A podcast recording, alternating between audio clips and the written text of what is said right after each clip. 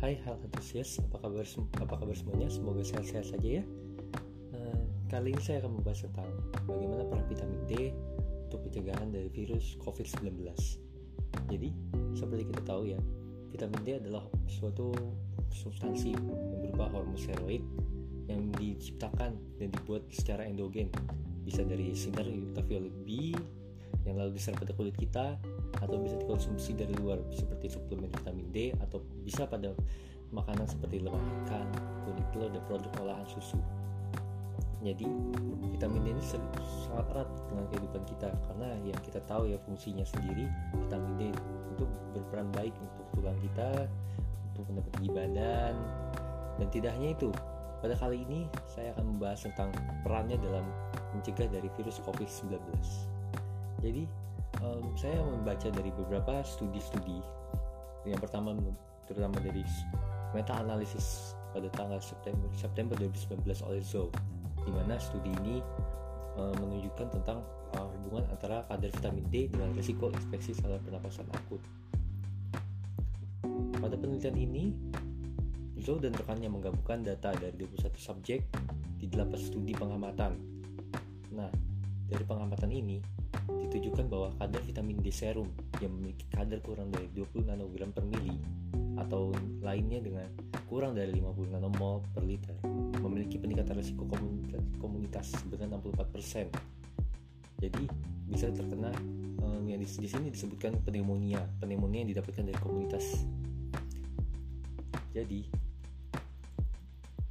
jadi pada penelitian ini didapatkan bahwa vitamin D yang rendah akan meningkatkan risiko dari infeksi saluran pernapasan akut, di mana salah satu manifestasi klinis dari COVID-19 adalah SARS, Severe Acute Respiratory Syndrome.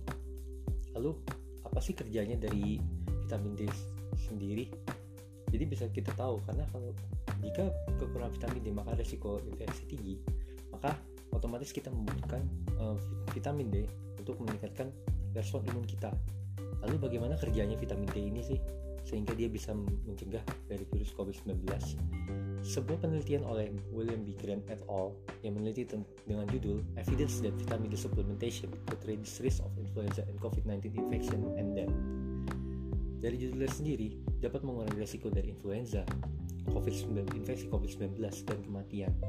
Mana di sini dijelaskan bahwa vitamin D memiliki efek dapat menurunkan resiko infeksi baik mikroba maupun virus maupun virus dengan tiga, tiga mekanisme penting yaitu barrier physical, imunitas natural cell, dan adaptive immunity atau imunitas adaptasi.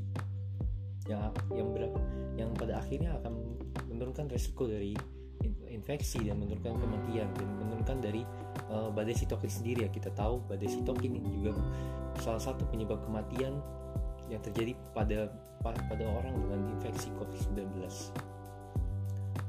Jadi karena kita sudah tahu um, fungsi-fungsi dari vitamin D ini sendiri dalam mencegah COVID-19, lantas baga bagaimana dengan konsumsinya?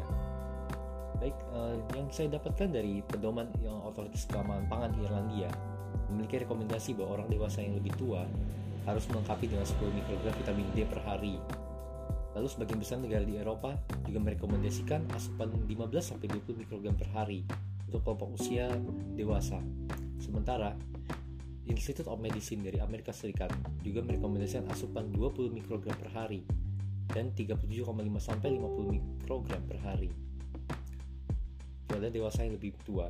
Jadi di sini didapatkan uh, antara range dari 10 mikrogram sampai 50 mikrogram dengan rekomendasi dari berbagai instansi yang berbeda.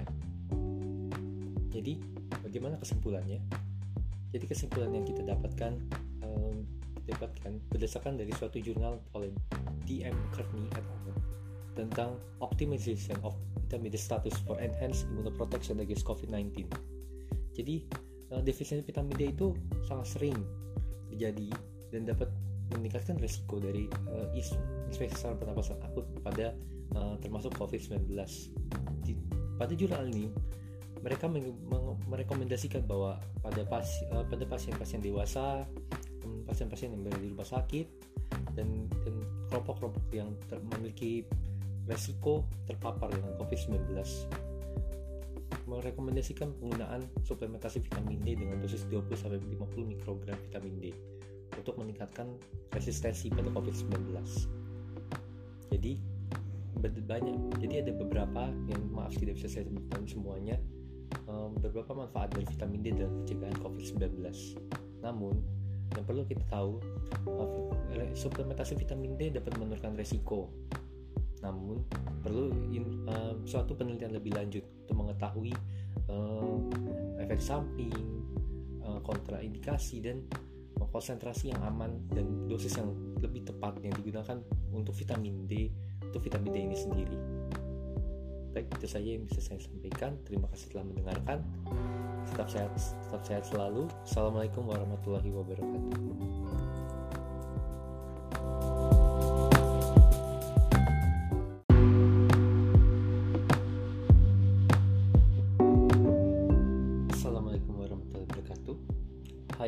Hai Enthusiast, apa kabarnya? Semoga sehat selalu. Kali ini saya akan bahas suatu topik yang saya mulai dari um, dilansir dari theguardian.com tentang New York warns of children illness linked to COVID-19 after three deaths. Jadi pada pada berita ini diberitakan bahwa ada kematian pada tiga anak di New York yang disebabkan oleh komplikasi inflamasi yang kemungkinan berasal dari COVID-19. Laporan ini juga melaporkan bahwa Kematian pertama terjadi pada anak 5 tahun, lalu yang kedua pada anak 7 tahun dan yang ketiga pada anak remaja. Di sini dilaporkan bahwa terdapat 73 kasus di New York pada anak dengan gambaran seperti toxic shock like reaction yang memiliki gejala yang sama persis dengan Kawasaki disease. Selain itu juga di euronews.com dilansir dari Euronews tentang coronavirus, what is Kawasaki disease, and its possible link with COVID-19 in children. Di sini dijelaskan, diberitakan bahwa terdapat gejala langka yang terjadi pada anak yang berikan yang memiliki hubungan dengan COVID-19 yang sudah dilaporkan pada beberapa negara di, di Eropa. Dan juga selain di Eropa juga di Inggris, di Prancis, Italia, Spanyol, dan Amerika.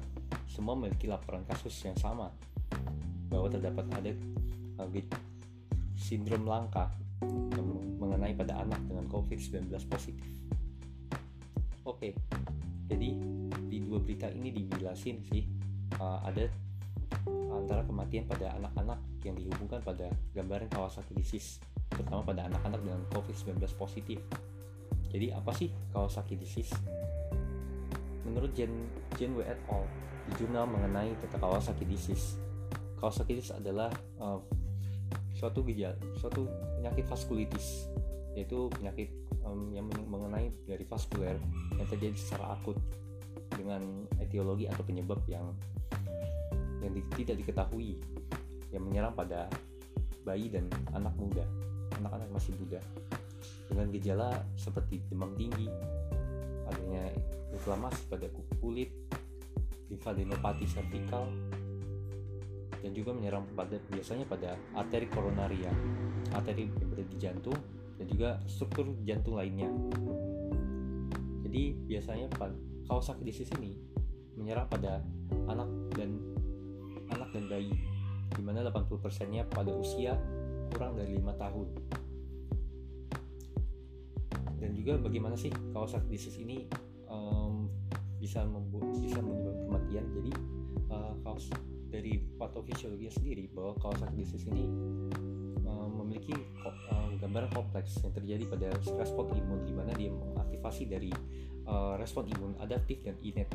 Dari sistem imun di mana pada neutrofil juga uh, seperti neutrofil dan CD8 T cell dendritic cell dan makrofag dari proses kompleks tersebut yang yang dipengaruhi oleh interleukin 1 dan lain-lain maka akan menyebabkan um, perubahan patologis mana um, menyerang pada dinding dinding muskular dari arteri tersebut yang paling sering adalah arteri koronaria yang memiliki tiga gambaran dinding tiga gambaran pada patologis pada pada dinding arteri yaitu necrotizing arthritis, vasculitis subakut kronik dan luminal myofibroblastic proliferation atau LMP.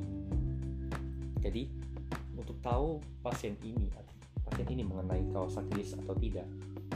Um, dari AHA American Heart Association menggambarkan uh, gejalanya gejalanya terdiri dari demam yang kurang dari yang pada mungkin demam pada lima hari disertai rasa gatal uh, konjungtivitis bilateral atau terjadi pada dua mata perubahan pada mulut seperti um, lidah stroberi bibir pecah eritema eritema pada orofaring dan dan perubahan pada ekstremitas seperti tangan bengkak pada kaki eritema atau atau diskuamasi pada di lidah selama dua minggu dan disertai dengan dan cervical lymphadenopathy dengan ukuran biasanya uh, lebih dari 1,5 cm dan pada satu sisi.